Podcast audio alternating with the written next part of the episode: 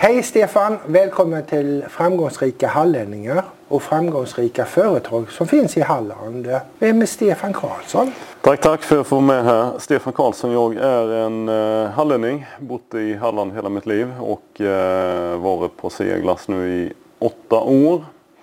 Bor i Påarp i Halmstad tillsammans med Marie, min fru. Två utslugna barn. Brinner för jobb, brinner för idrott. Idrottar väldigt mycket själv. Det är väl eh, korta drag. Stefan? Var har du dina rötter någonstans här i Halland? Någonstans? Ja, rötterna är i Halmstad. Eh, Getinge från grund och botten. Jag växte upp med mina föräldrar, gick i skolan. Sen blev det Halmstad. Och sen har jag stannat i Halmstad. Bott i Stockholm med övernattningslägenhet i antal år på eh, tidigare arbete. Annars har jag varit Halmstad trogen. Har det varit glass för hela slanten eller vad har det varit? Nej, det har det inte varit. Jag har jobbat med njutningsprodukter nästan hela mitt liv. Från början var det snacks, choklad, snacks. Sen var jag inne på skaldjur, fisk och skaldjur och sen har det varit glass. Så det har ju varit någon typ av njutningsprodukt i hela, hela min yrkesverksamma karriär.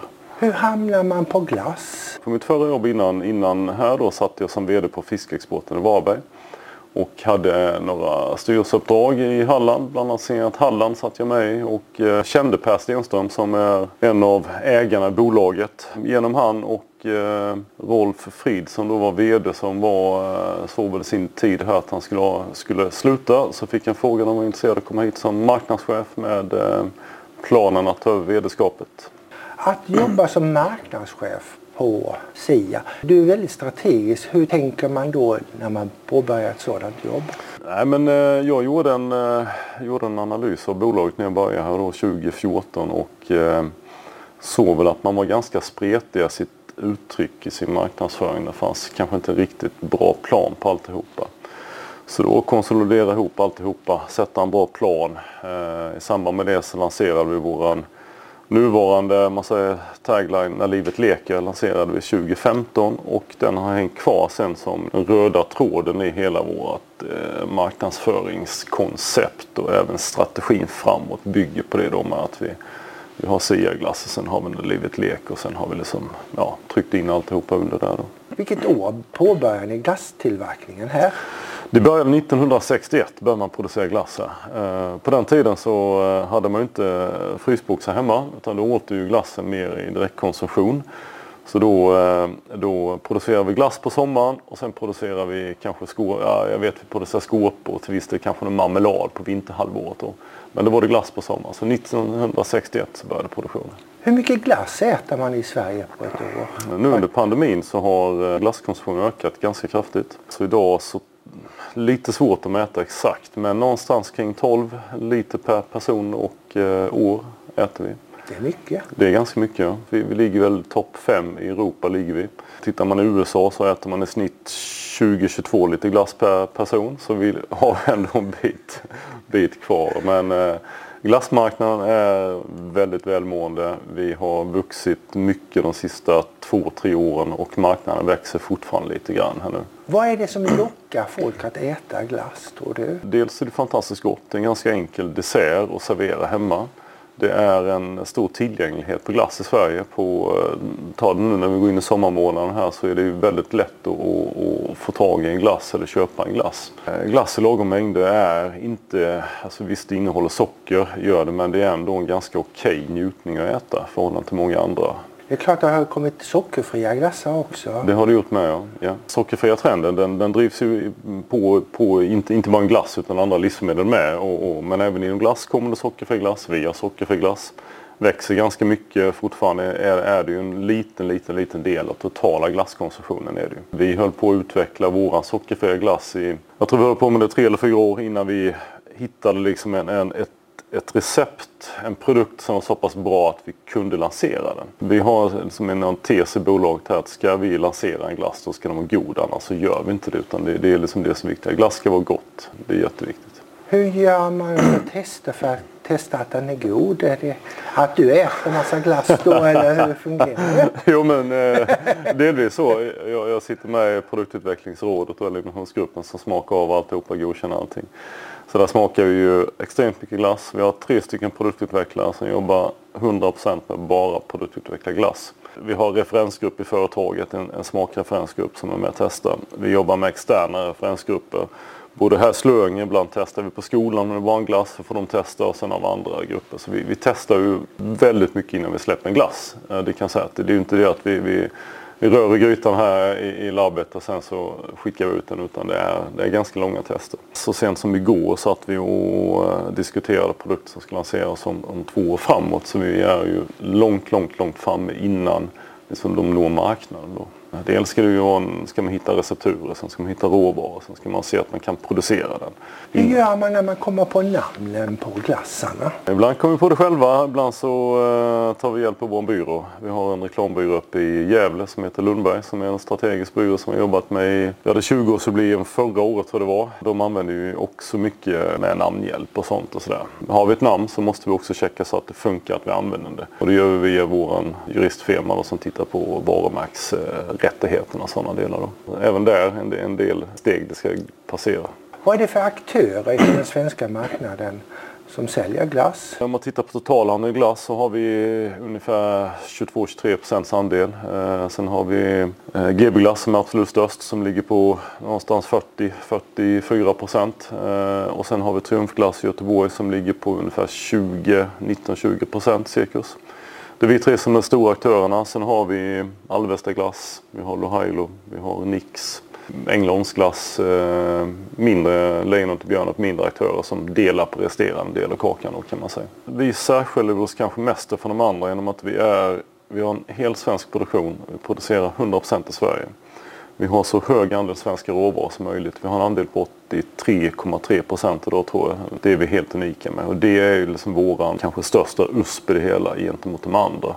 Tittar man både på GB Glass och Triumfglass, de importerar mycket produkter. Producerar i, i allt ifrån eh, England, Frankrike, Spanien, Polen och, och lite, lite överallt. Och så de importerar produkterna. Eh, det är deras sätt att gå men vi går på den helsvenska vägen då. Hur många produkter har ni i ett produktsortiment? Jag skulle tro att vi har 100, säg mellan 125 och 140 artiklar som, som är så att säga våra eh, C-glass-brandade produkter.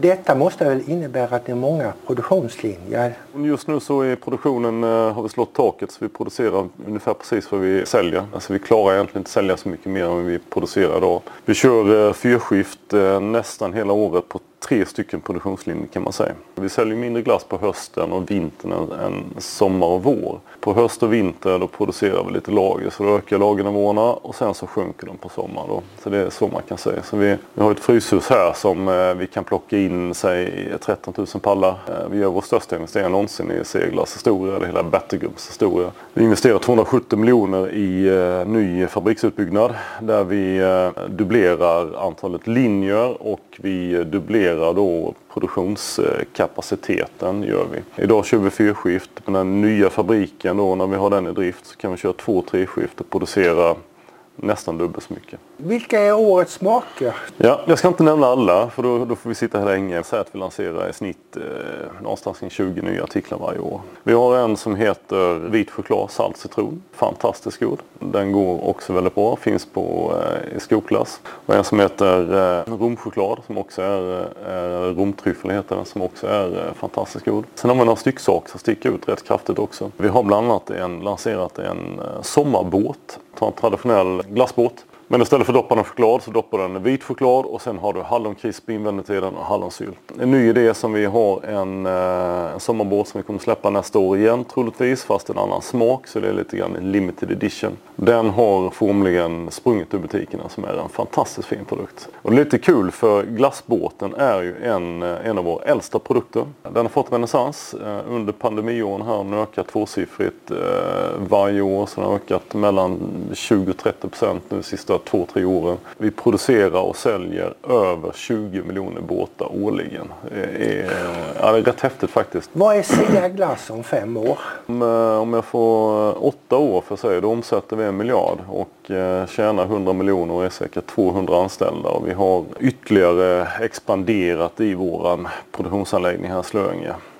Vi kommer att ha en helt mjölkfri produktionsanläggning, en där vi producerar med grädde och mjölk. 2028 tror vi också att vi har full spårbarhet så att vi kan spåra grädden i en, en förpackning kan vi spåra ner till kanske i bästa fall en gård. Alternativt att vi kan spåra det kanske till 10-15 större gårdar i Halland som vi tar mjölken ifrån. Har ni önskemål om vad korna ska äta för något för att det ger avtryck på produkten? Ja men absolut har vi det.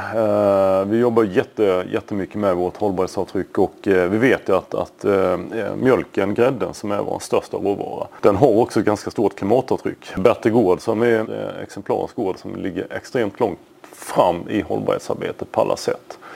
De är nästan in till 100% fossilfria i dagsläget. De jobbar med mångfald i jordbruket där.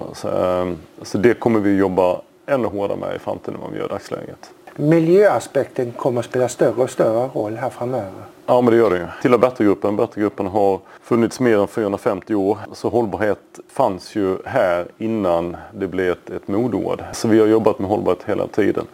Det ska finnas ytterligare 450 år säger vi och då måste vi ju ha ett så hållbart företagande som möjligt. Det går ofta före man säger att vi ska tjäna pengar så vill vi hellre ha en hållbarhet och det är den sociala hållbarheten. Hur vi är här i Slöinge mot eh, alla som bor i Slöinge, hur vi är mot våra medarbetare. Det är ju såklart miljön också. Det är ju kombinationen av alltihopa som vi jobbar med. Säljer ni utomlands också? Vi säljer en liten del utomlands. Vi exporterar eh, 4-5% i dagsläget. Eh, lite grann till Finland, lite grann till Tyskland. Men det är en liten, liten, liten del. Så, for, så länge vi klarar av att växa Sverige, ta en del av Sverige, så är det vår primära strategi att göra. När vi tittar fram till 2028 där vi ska omsätta en miljard, då tror vi nog att vi behöver få en liten större exportandel. Eh, och då ligger det nära till hands att vi kanske fortsätter satsa på Finland och Tyskland där vi har en liten, liten, liten export idag. Tack så mycket Stefan. Det har varit en stor glädje att få ha med dig i podden. Tackar, tackar.